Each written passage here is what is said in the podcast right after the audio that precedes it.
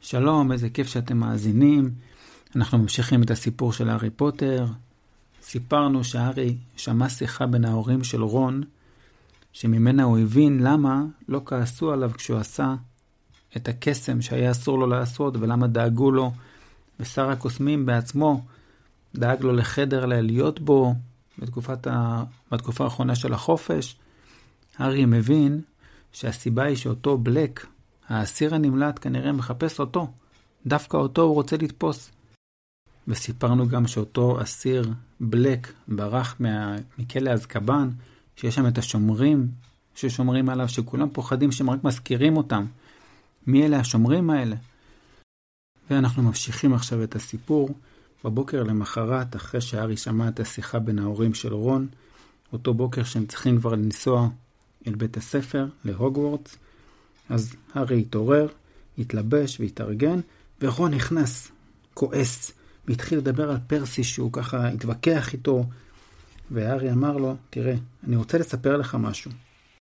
הוא רצה לספר לו מה הוא שמע, שבלק מחפש אותו, אבל הוא לא הצליח להגיד לו את זה, כי בדיוק פרד וג'ורג' הגיעו כדי לדבר עם רון, אז הארי לא יכל להגיד את זה, הם ירדו ביחד לארוחת הבוקר, ושם ישב אדון ויזלי, אבא של רון, וקרא בנביא היומי. וגם גברת ויזלי דיברה עם הרמיוני ועם ג'יני, והם היו עסוקים בשיחה. ואז רון אמר להארי, מה רצית להגיד קודם? הארי אמר, אה, אחר כך, כי בדיוק פרסי נכנס בסערה. וככה היו התארגנויות, וכולם היו עסוקים בלהתארגן, אה, לארוז את המזוודות ולהתכונן ליציאה. והארי לא הייתה לו אפשרות לדבר עם רון או עם הרמיוני ולספר להם מה שהוא, מה שהוא שמע. וככה היו התארגנויות והיו מזוודות שמוכנות ליציאה, והיה הכלוב של הדוויג והכלוב של הרמס, שזה הינשוף של פרסי, וגם הייתה סלסלה שבה, שממנה היו קולות של חתול. וזה היה קרוקשנסק, החתול הגדול של הרמיוני, החדש. הרמיוני אמרה, זה לא נורא קרוקשנקס, ברכבת אני אשחרר אותך. רון אמר, לא, את לא, מה יהיה עם סקאברס המסכן? כי קרוקשנקס כל פעם רוצה לתפוס את סקאברס העכברוש של רון. ואז אדון ויזלי, כשעמד בחוץ, הכניס את הראש שלו ואמר, הם הגיעו, קדימה. כי הרי סיפרנו שמשרד הקסמים דאג למכוניות שיקחו את כולם אל הרכבת להוגוורטס. וזה כדי שיהיה אפשר להשגיח על הארי, כמו שאמרנו. ובאמת חיכו להם בחוץ שתי מכוניות ירוקות, נראות ישנות, ובכל אחת מהן נהג קוסם שנראה ככה סודי, לבוש בחליפה ירוקה. אדון ויזלי אמר, קדימה הארי, תיכנס. והוא מסתכל ככה בחשדנות אל הרחוב. הרי נכנס אל המושב האחורי, והצטרפו אליו גם הרמיוני ורון וגם פרסי. הנסיעה לתחנת קינגס קרוס, התחנה של הרכבת, הייתה מאוד שקטה. המכוניות של משרד הקסמים נראו כמעט כמו מכוניות רגילות, אבל הארי שם לב שהן מצליחות לעבור במרווחים צרים. אפילו שכאילו הן לא היו אמורות, לא היו אמורות לעבור שם, אבל הן מצליחות לעבור שם. והם הגיעו באמת לקינגס קרוס, לתחנה, 20 דקות לפני הזמן. הנהגים ממשרד הקסמים מצאו להם עגלות, עזרו להם לפרוק את המזוודות, הצדיעו לאדון ויזלי ונפרדו מהם. ואיכשהו שתי המכוניות הגיעו מיד לראש הטור שחיכה ברמזור האדום. מרגע שהם יצאו מהמכוניות, אדון ויזלי נצמד אל הארי. הוא צריך להשגיח עליו. הוא אמר, טוב, מסתכל סביב, בואו נעשה את זה בזוגות, כי בגלל שאנחנו כל כך הרבה אנשים, אני אעבור ראשון יחד עם הארי. אדון ויזלי צעד לאט לעבר המחסום שבין הרציפים 9 ו-10. אנחנו יודעים שכשעוברים בין רציפים 9 ו-10, בעצם עוברים ברציף 9 או שלושה רבעים. אז אדון ויזלי נראה כאילו מתעניין מאוד ברכבת שנוסעת ומגיעה לרציף 9. הוא נשען בטבעיות על המחסום, יחד עם הארי, ותוך שנייה הם נפלו הצידה דרך המתכת ומצאו את עצמם ברציף 9 או שלושה רבעים. פשוט עברו בין רציף 9 ל-10 ומצאו את עצמם ברציף 9 או שלושה רבעים. שם הם ראו את רכבת האקספרס להוגוורטס, רכבת אדומה עם... שמוציאה עשן, עם המון מכשפות וקוסמים שבאו ללוות את הילדים שלהם שעולים לרכבת לקראת שנת הלימודים. אחרי אדון ויזלי והארי הגיעו גם פרסי וג'יני, ואחרי זה הגיעו כולם.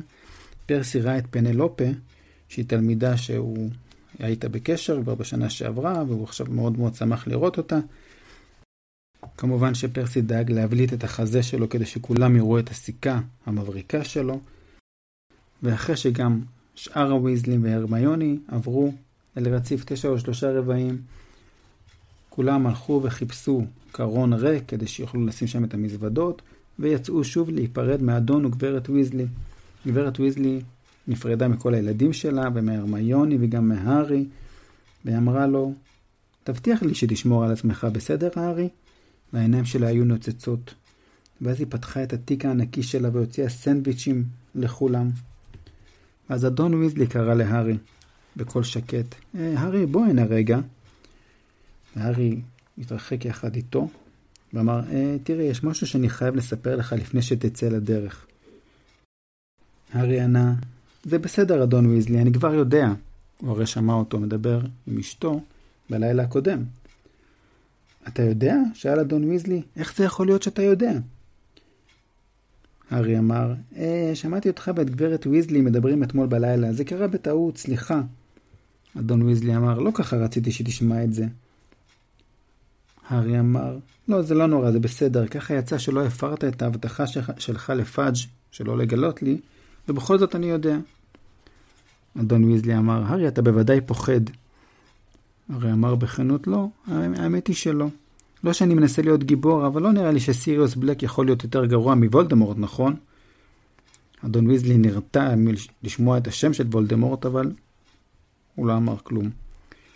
הארי, ידעתי שאתה עשוי מחומר קשיח יותר ממה שפאג' כנראה חושב, ואני שמח שאתה לא מפחד, אבל אני רוצה שתבטיח לי משהו. הרי מרמה, להיות ילד טוב ולהישאר רק בטירה ולא ללכת לשום מקום? אדון ויזלי אמר, לא, לא רק זה. תשבע לי שלא תצא לחפש את בלק. הארי אמר, מה? הרכבת שרקה, העובדים של הרכבת התחילו לסגור את הדלתות, הרכבת עומדת לצאת לדרך, הם צריכים להיפרד. אדון ויזלי אמר, תבטיח לי הארי שלא משנה מה יקרה. הארי אמר, למה שאני אצא לחפש מישהו שרוצה לפגוע בי? הוא באמת לא הבין. למה שהוא הולך לחפש את בלק? בלק רוצה לתפוס אותו, למה שהארי יחפש את בלק? אדון ויזלי אמר, תשבע לי שלא משנה מה תשמע. וגברת ויזלי אמרה, ארתור, מהר! כבר קיטור התחיל לצאת מהרכבת, היא התחילה לזוז, הארי רץ מהר אל הקרון. רון פתח את הדלת, והארי נכנס. הם הוציאו ראש מהחלון ונופפו אל אדון וגברת ויזלי עד שהרכבת פנתה בסיבוב והסתירה אותם מעיניהם. אז בעצם אדון ויזלי הספיק להגיד להארי להיזהר, וגם שלא ילך לחפש את בלק, שזאת בקשה מוזרה מבחינת הארי. הארי אמר לרון והרמיוני, אני חייב לדבר איתכם לבד. הם חיפשו אחרי תא ריק, אבל כל התאים היו דפוסים, חוץ מתא אחד, התא האחרון ברכבת. ובתא הזה ישב אדם אחד, שהיה ישן. הארי, רון והרמיוני נעצרו בכניסה לתא. תמיד ברכבת האקספרס של הוגוורטס היו כולם תלמידים. לא היו שם בכלל אנשים מבוגרים, חוץ מהמכשפה שעברה עם העגלה של הכיבוד. אז היה מוזר לראות מישהו מבוגר שישן בתא. הזר הזה היה לבוש בגלימת קוסמים מרופטת עם טלאים. הוא היה נראה כזה מותש ועייף, ולמרות שהוא היה צעיר, היה לו כמה שערות לבנות. רון אמר, מי זה לדעתך? הרמיוני אמרה, פרופסור רש ג' לופין. איך את יודעת? זה כתוב על המזוודה שלו, אמרה הרמיוני. ובאמת, הייתה שם מזוודה קטנה וחבוטה, עם הרבה חבלים שקושרים אותה, והיה כתוב עליה פרופסור רש ג' לופין. רון אמר, מה הוא מלמד? הוא חשב, אם הוא פרופסור, הוא צריך ללמד משהו. הרמיוני אמרה, זה ברור, יש משרה אחת פנויה, לא? התגוננות מפני כוחות האופל. הארי, רון והרמיוני כבר למדו התגוננות מפני כוחות האופל אצל שני מורים, ושניהם לא החזיקו מעמד יותר משנה. בשנה הראשונה היה מורה אחד, ובשנה השנייה מורה אחר, ושניהם לא המשיכו, אז זה התפקיד שפנוי עכשיו. רון אמר, אני מקווה שהוא מסוגל לעמוד בזה. בכל אופן, הארי, מה רצית להגיד לנו קודם? הארי סיפר להם על הוויכוח של אדון וגברת ויזלי, ועל מה שהזהיר אותו אדון ויזלי עכשיו. ואחרי שהוא סיים, רון נראה עמום, והרמיוני הייתה עם הידיים צמודות לפה. בסוף היא אמרה, סיריוס בלק ברח כדי לתפוס אותך? הארי, אתה חייב להיזהר מאוד מאוד. אל תחפש לעצמך צרות, הארי. הארי אמר בעצבנות, אני אף פעם לא מחפש צרות, הצרות מחפשות אותי. רון אמר, הארי צריך באמת להיות מטומטם כדי לחפש איזשהו מישהו שרוצה לפגוע בו. מסתבר שהם דאגו הרבה יותר מהידיעה הזאת מאשר מה שהארי דאג. נראה שרון והרמיוני פחדו מבלק יותר ממה שהוא פחד. רון אמר, אף אחד לא יודע איך הוא הצליח לצאת מאזקבן. אף אחד לפניו לא הצליח לברוח משם. והוא עוד היה באגף השמור של אזקבן. הרמיוני אמר, אבל בסוף הם יתפסו אותו, נכון? זאת אומרת, גם כל המוגלגים מחפשים אותו. ופתאום נשמעה שריקה, שריקה מוזרה. ואז רון אמר, זה בא מהמזוודה שלך, הארי. הוא הושיט את היד שלו ושלף מהמזוודה את המלשינוסקופ. המלש... המלשינוסקופ הסתובב כמו סביבון בכף היד של רון וקרן באור חזק. הרמיוני אמרה, מה זה מלשינוסקופ? רון אמר, כן, אבל זה לא דבר כל כך אמין. לדוגמה, כשניסיתי לקשור את זה לרגל של ארול כדי לשלוח את זה להארי, זה פשוט השתגע. הרי רון נתן את המתנה הזאת להארי. אבל הרמיוני אמרה בחוכמה, אולי בגלל שעשית שם משהו מאחורי הגב של מישהו?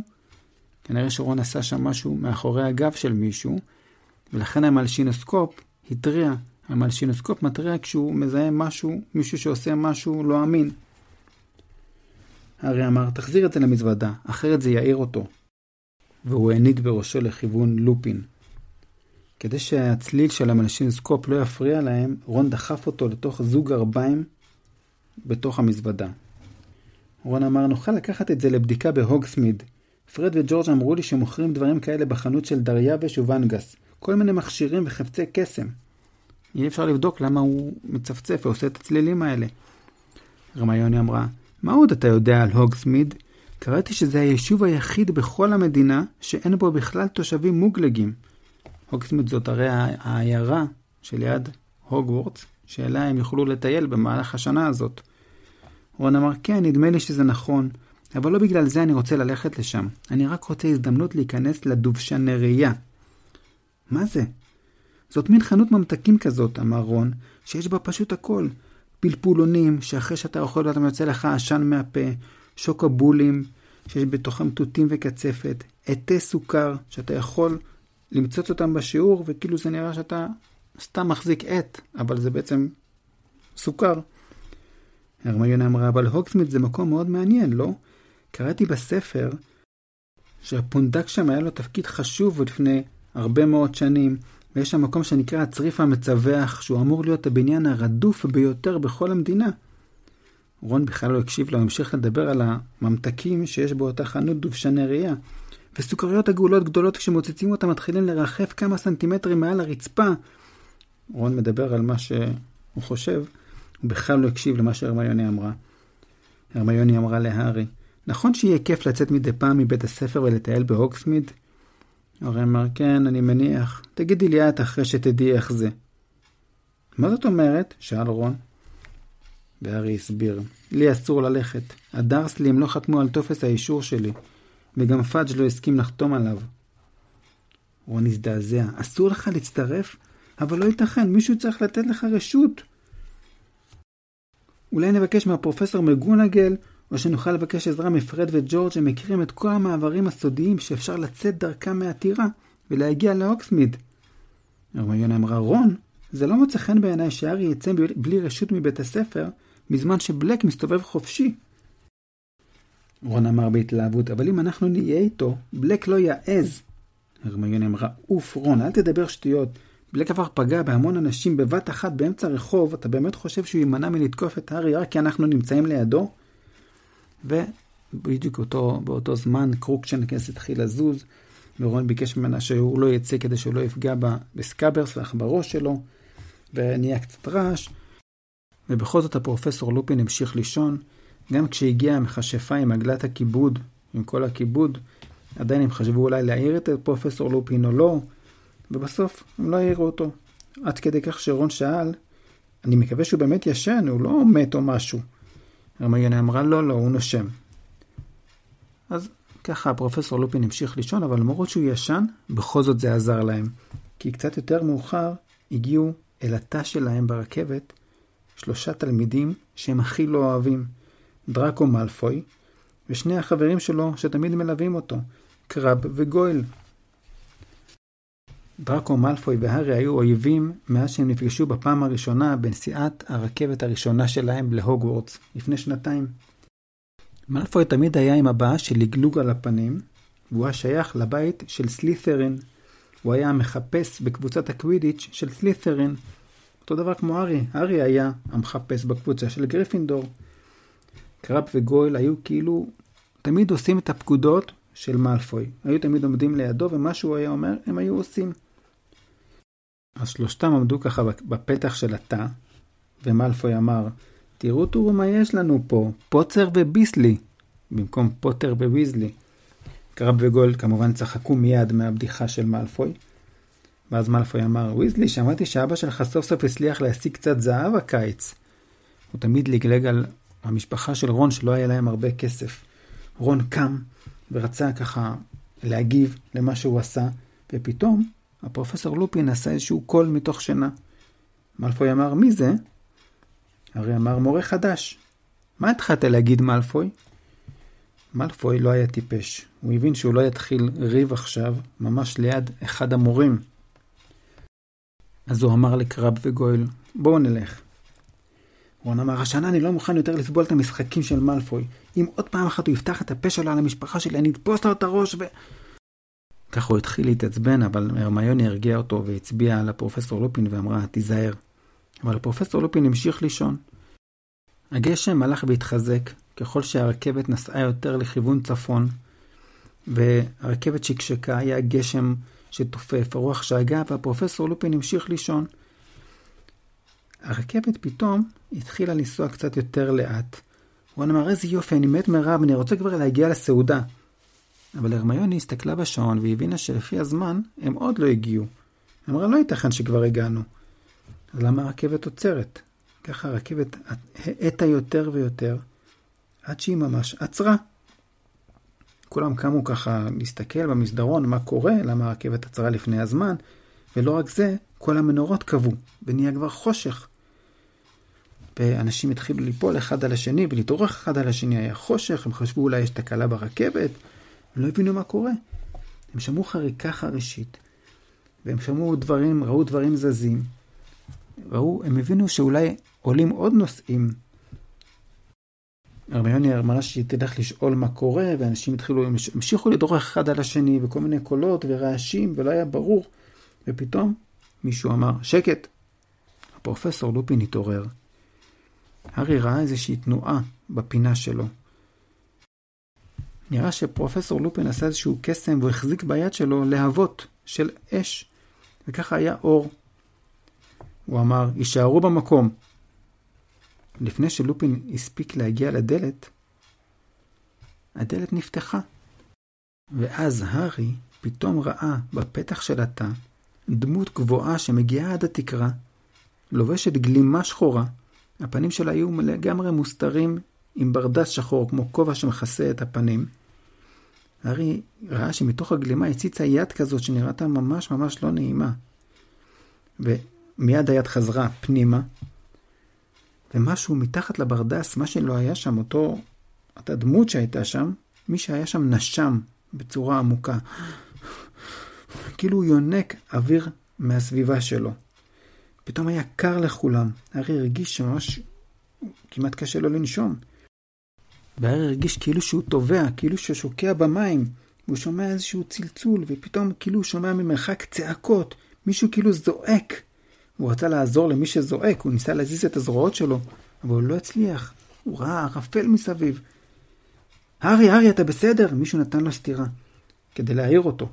הארי פתח את העיניים, ראה אורות, הארי הרגיש שהרצפה רועדת והוא הבין שהרכבת להוגוורטס התחילה לנסוע שוב, היא חזרה לנסוע. האורות נדלקו, חזר, חזר האור, ונראה שהארי החליק מהמושב שלו על הרצפה. פשוט, בלי לשים לב, הוא מצא את עצמו על הרצפה. רון והרמיוני היו לצידו, וגם היה שם נביל והפרופסור לופין, ורון שאל אותו, אתה בסדר?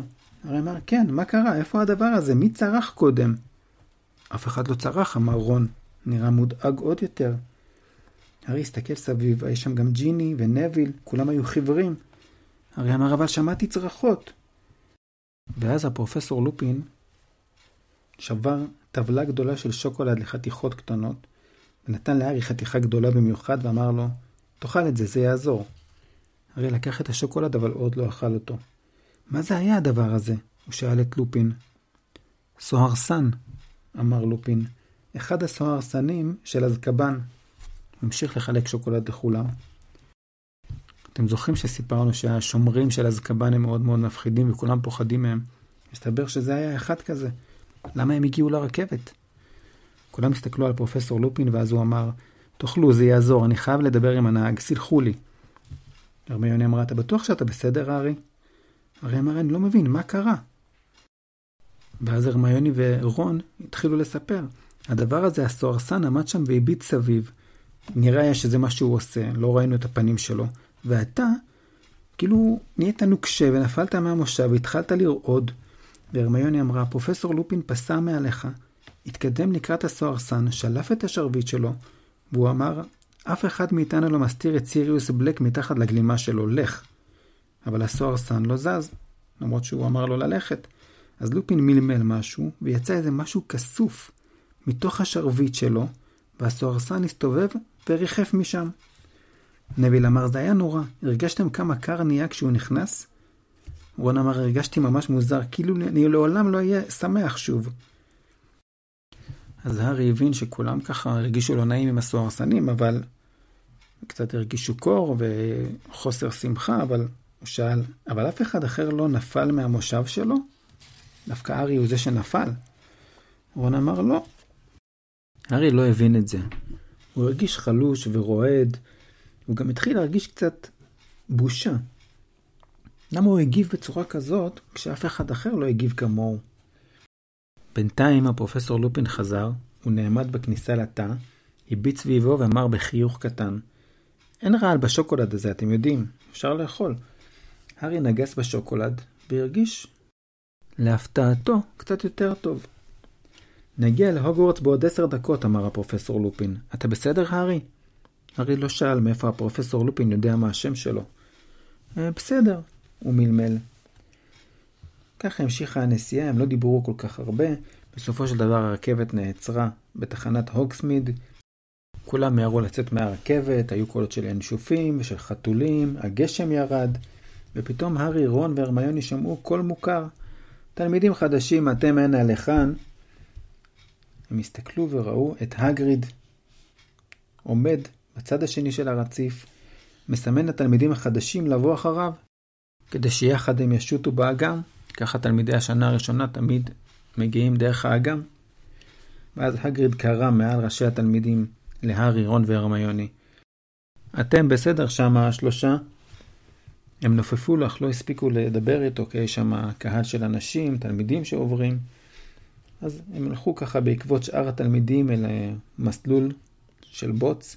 שם חיכו 100 כרכרות לפחות כדי לקחת את שאר התלמידים, אלה שהם לא בשנה הראשונה, אל בית הספר. הכרכרות היו כנראה רתומות לסוסים בלתי נראים, שלא רואים אותם. כי אחרי שהם נכנסו לאחת מהכרכרות וסגרו את הדלת, הכרכרה התחילה לנסוע לבד. אז משהו סוחב אותה, אבל הם לא רואים מה. הם נסעו בכרכרה, הארי קצת הרגיש יותר טוב אחרי שהוא אכל מהשוקולד. רון והרמיוני מדי פעם הסתכלו עליו ככה, כדי לראות שהוא בסדר, שהוא לא יתמוטט שוב. והכרכרה התקרבה והגיעה אל הטירה, והארי ראה ליד השער של הכניסה זוג נוסף של צוערסנים, מתנשאים עם ברדסים, שומרים. שוב הרגיש ככה בחילה וקור. הארי עצם את העיניים וחיכה שהכרכרה תעבור את השערים, וככה הכרכרה המשיכה לנסוע, ובסופו של דבר היא נעצרה כשהם הגיעו. כשהארי, רון והרמיוני באו לצאת מהכרכרה, הארי שמע את הקול של מאלפוי. אתה התעלפת, פוטר? מה שלונגבוטו מספר זה נכון? ממש התעלפת? מאלפוי היה ממש שמח. הוא שמח לשמוע שהארי הגיב בצורה כזאת לסוהרסנים. שוב כמעט התחילה מריבה, אבל אז יצא פרופסור לופין מכרכרה סמוכה ואמר, יש פה בעיה? מאלפוי הסתכל על פרופסור לופין במבט מתנשא. הוא שם לב שיש לו טלאים על הגלימה ושהמזוודה שלו ככה ישנה, אז הוא הבין שאולי גם לו אין כל כך הרבה כסף. והוא קצת לעג לו, אבל אמר, אה, לא, לא, אין שום בעיה, פרופסור. הוא חייך אל קראב וגויל והלך. והארי, רון והרמיוני התקדמו לכיוון האולם הגדול יחד עם כל התלמידים שעברו לשם, ואז פתאום הארי שמע קול קורא. פוטר, גרנג'ר, בואו הנה שניכם. הארי והרמיוני הסתובבו, וראו את הפרופסור מגונגל, המורה לשינויי צורה, שהייתה ראש הבית של גריפינדור. היא קראה אליהם מעל ראשי התלמידים. הארי התחיל לדאוג למה היא קוראת לו, אם היא קוראת לו כנראה אולי הוא עשה משהו לא בסדר. אבל הפרופסור מגונגל אמרה, אין סיבה להיות מודאגים כל כך, רק רציתי להחליף איתכם מילה במשרד. אתה יכול ללכת ויזלי. היא רצתה לדבר רק עם הארי ועם הרמיוני. כשהם הגיעו למשרד שלה, אמרה פרופסור מגונגל, פרופסור לופין שלח ינשוף כדי להודיע לי שהתעלפת ברכבת פוטר. הארי לא הספיק לענות והייתה דפיקה בדלת, ומדאם פומפרי, האחות, נכנסה. הארי הרגיש שהוא ממש ככה לא נעים לו. לא מספיק זה שהוא התעלף, וגם ככה שמעו מזה הרבה אנשים, עכשיו הופכים את זה לעניין יותר גדול. אני בסדר, הוא אמר, אני לא צריך שום דבר. מדאם פומפרי האחות התעלמה ממה שהוא אמר ואמרה, אה, זה שוב התאמה? אני מניחה ששוב עשית משהו מסוכן. פרופסור מגונגן אמרה, לא, זה היה בתגובה לסוהרסן, פופי. ואז מדאם פומפרי התחילה לדבר עם עצמה. עצם הרעיון להציב סוהרסנים כל כך קרוב לילדים קטנים, הוא לא הראשון שהתמוטט בעקבות מפגש כזה. כן, הוא מזיע לגמרי יצורים איומים והשפעה שלהם על אנשים עדינים. אני לא עדין, אמר הארי בכעס. מובן שלא, אמרה מדאם פומפרי, בלי באמת להקשיב לו. ואז הפרופסור מגונגן אמרה, אולי שינוח לילה אחד במרפאה? הארי אמר, אני בסדר גמור. מדאם פומפרי אמרה, אולי בכל זאת ניתן לו שוקולד אולי? הארי אמר, כבר קיבלתי שוקולד, הפרופסור לופין נתן לי קצת, הוא חילק שוקולד לכולנו. אדם פומפרי אמרה, אה, ממש כך, סוף סוף יש לנו מורה להתגוננות מפני כוחות האופל שמבין משהו ברפואה. אתה בטוח שאתה מרגיש בסדר, פוטר? שאלה הפרופסור מגונגל. כן, אמר הארי. טוב מאוד, אמרה פרופסור מגונגל.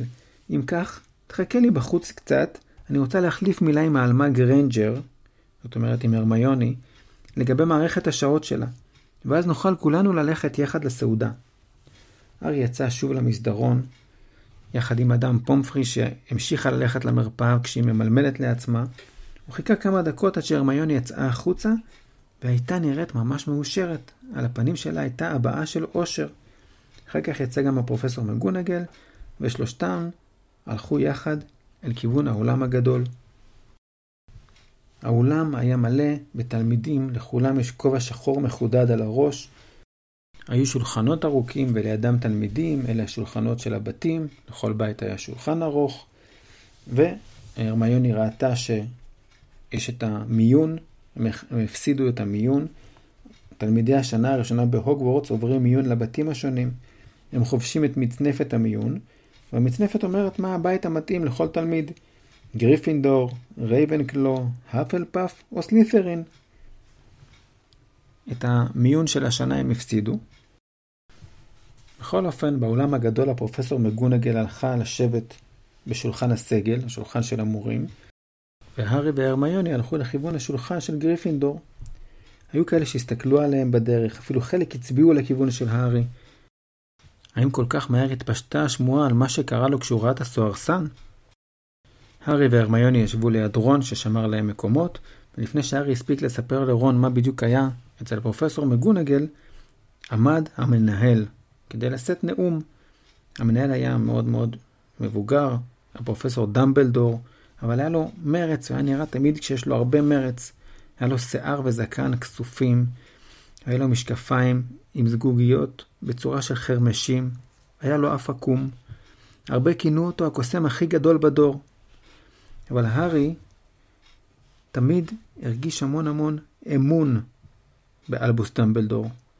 כשהוא ראה את דמבלדור, הוא הרגיש שקט נפשי. הוא כבר פחות דאג מהסוהרסנים. דמבלדור אמר, ברוכים הבאים. ברוכים הבאים לשנה נוספת בהוגוורטס. יש לי כמה דברים לומר לכם, אבל אחד מהם הוא חמור מאוד. לכן אני רוצה להתחיל איתו לפני הסעודה. ואז דמבלדור אמר, כמו ששמתם לב במהלך החיפוש שהיה ברכבת, בדרך להוגוורטס, בית הספר שלנו מארח כרגע כמה מהסוהרסנים של אזקבאן. הם נשלחו לכאן מטעם משרד הקסמים. הארי נזכר שאדון ויזלי אמר שדמבלדור לא אוהב את זה שהסוהרסנים נמצאים בבית הספר. אבל בכל זאת הם כאן. דמבלדור המשיך, הם מוצבים בכל הכניסות לבית הספר, וכל עוד הם נמצאים איתנו, אני רוצה להגיד לכם שאסור באיסור מוחלט לעזוב את שטח בית הספר ללא רשות. אי אפשר להטעות אותם. אי אפשר להתחפש או לעשות כל מיני תחבולות. אפילו לא להשתמש בגילומות ההיעלמות. הם מגלים הכל. אז אני מזהיר אתכם, אל תיתנו להם סיבה לפגוע בכם. ואני פונה אל כל המדריכים, ואל המדריך והמדריכה הראשיים החדשים שלנו, לשים לב שאף תלמיד לא ירגיז את הסוהרסנים. פרסי, שהוא מדריך ראשי חדש, ניפח את החזה שלו בגאווה. אז בעצם דמבלדור מזהיר את התלמידים לא להתעסק עם הסוהרסנים, כי הם מסוכנים. אז לא לצאת ולא לעשות שום אה, בעיות מולם. ואז דמבלדור המשיך. ובעניין משמח יותר, אני רוצה לקדם בברכה שני מורים חדשים שהצטרפו השנה אלינו. הראשון, פרופסור לופין, שהסכים להיות המורה להתגוננות מפני כוחות האופל. כמה אנשים מחאו כפיים, ביניהם הארי והחברים שלו. פרופסור לופין נראה קצת עלוב ליד המורים האחרים, כולם היו לבושים בהידור, בגלימות חגיגיות, והבגדים שלו היו פחות מהודרים. תסתכל על סנאפ, רון לחש באוזניים של הארי. הפרופסור סנאפ, המורה לשיקויים, הסתכל על הפרופסור לופין מהצד השני של שולחן הסגל. כולם ידעו שסנאפ רצה מאוד להיות בעצמו המורה להתגוננות מפני כוחות האופל. אז זה הגיוני שהוא לא שמח לראות מישהו אחר שקיבל את התפקיד הזה. אבל אפילו הארי, ששנא את סנאפ, הופתע לראות את ההבעה שהייתה על הפנים של סנאפ. ההבעה שלו הייתה יותר מסתם כעס. זאת הבעה של תיעוב, הוא ממש מתעב את הפרופסור לופין. הארי הכיר את הבעה הזאת היטב. כי זאת אותה הבעה שהייתה על הפנים של סנאפ בכל פעם שהוא הסתכל על הארי. ודמבלדור המשיך לדבר. והמורה החדש השני שלנו, זה יהיה המורה לטיפול ביצורי פלא. שיחליף את המורה הקודם שהיה, עד השנה שעברה, מורה שפרש. ועכשיו יש לנו מורה חדש, ואת התפקיד של המורה לטיפול ביצורי פלא ימלא רוביאוס הגריד. הוא הסכים לקבל על עצמו את התפקיד הזה, חוץ מזה שהוא ימשיך להיות שומר הקרקעות כמו שהוא היה עד עכשיו. הארי, רון והרמיוני היו ממש המומים, ואז הצטרפו למחיאות כפיים סוערות שכולם מחאו במיוחד מהשולחן של גריפינדור. הארי הסתכל לראות את הפנים של הגריד, והוא ראה שהוא ממש הסמיק. רון אמר, איך לא ידענו? מי עוד היה בוחר בשבילנו ספר נושך? הרי ספר המפלצות המפלצתי, הספר הנושך, מיועד לשיעור הזה של טיפול ביצורי פלא. וזה מה שהגריד בחר שהם ישתמשו בו. ואחרי שכולם מחאו כפיים, ובמיוחד הארי, רון והרמיוני, הם שמו לב שהגריד ככה מנגב את העיניים שלו במפה של השולחן. כנראה היו לו קצת דמעות, הוא התרגש. ואז דמבלדור אמר, טוב, אני חושב שאמרתי את כל הדברים החשובים. בואו נתחיל בסעודה. ופתאום הצלחות והגביעים התמלאו בבת אחת באוכל ושתייה. היה ממש מלא אוכל שפשוט מילא את הצלחות. והם אכלו ונהנו וכולם היו ממש שמחים. ואחרי הסעודה, הארי, רון והרמיוני רצו לדבר עם הגריד. הם ידעו שזה היה לו מאוד מאוד חשוב להיות מורה. כי הגריד בעצמו, הוא בכלל אף פעם לא סיים את הלימודים שלו בתור קוסם. סילקו אותו מבית הספר כשהוא היה בשנה השלישית שלו, בגלל פשע שהוא אף פעם לא ביצע. חשדו בו שהוא עשה משהו, סיפרנו את זה בספר הקודם. חשדו בו שהוא עשה משהו, והוא לא באמת עשה את זה. ובזכות הארי, רון והרמיוני שגילו את האמת וגילו שהוא לא אשם, עכשיו הוא יכול היה לקבל את התפקיד של להיות מורה. אז אחרי הסעודה, הרמיוני, רון והארי הגיעו לשולחן של הסגל. הרמיוני אמרה, מזל טוב הגריד. והגריד אמר, הכל זה בזכותכם שלושתכם. ושוב, הוא ניגב את הפנים שלו במפית. אני פה בקושי מאמין, אני איש גדול הוא דמבלדור כבודו. הוא בא שם על הבקתה שלי ברגע שהפרופסור הקודם אמר שהוא מפסיק ללמד. זה מה שאני תמיד רציתי. והוא ממש התרגש עד שהפרופסור מקגונגל אמרה להם ללכת. הארי, רון והרמיוני הצטרפו לשאר התלמידים שמיהרו לחזור למגדל שלהם. הם טיפסו במדרגות, המשיכו במסדרונות, עלו בעוד מדרגות עד שהגיעו לכניסה הסודית של טירת גריפינדור. בכניסה לטירה של גריפינדור הייתה תמונה של אישה גדולה בשמלה ורודה, והדיוקן של האישה שאל אותם, מה הסיסמה? פרסי הגיע מאחוריהם. פנו דרך, פנו דרך, הסיסמה החדשה היא פורטונה מז'ור. אוי לא, אמר נבי לונגבוטום, הוא תמיד התקשה בלזכור את הסיסמאות, תמיד הוא שכח אותם. כולם עברו בחור שמאחורי התמונה, וחצו את חדר המועדון. הבנים הלכו לחדרים שלהם, הבנות הלכו לחדרים שלהן, הארי טיפס במדרגות, ועכשיו הוא רק חשב על דבר אחד, כמה טוב לחזור לכאן. הם נכנסו לחדר המוכר, העגול עם חמש מיטות, והארי הסתכל מסביב והרגיש שהוא סוף סוף הגיע הביתה. זהו, זה הסוף של הפרק. הכרנו בפרק הזה את הסוהרסנים, וראינו שהארי מגיב אליהם בצורה חמורה יותר משאר האנשים. ואתם כמובן מוזמנים להאזין לפרקים הבאים להמשך ההרפתקאות של הארי פוטר.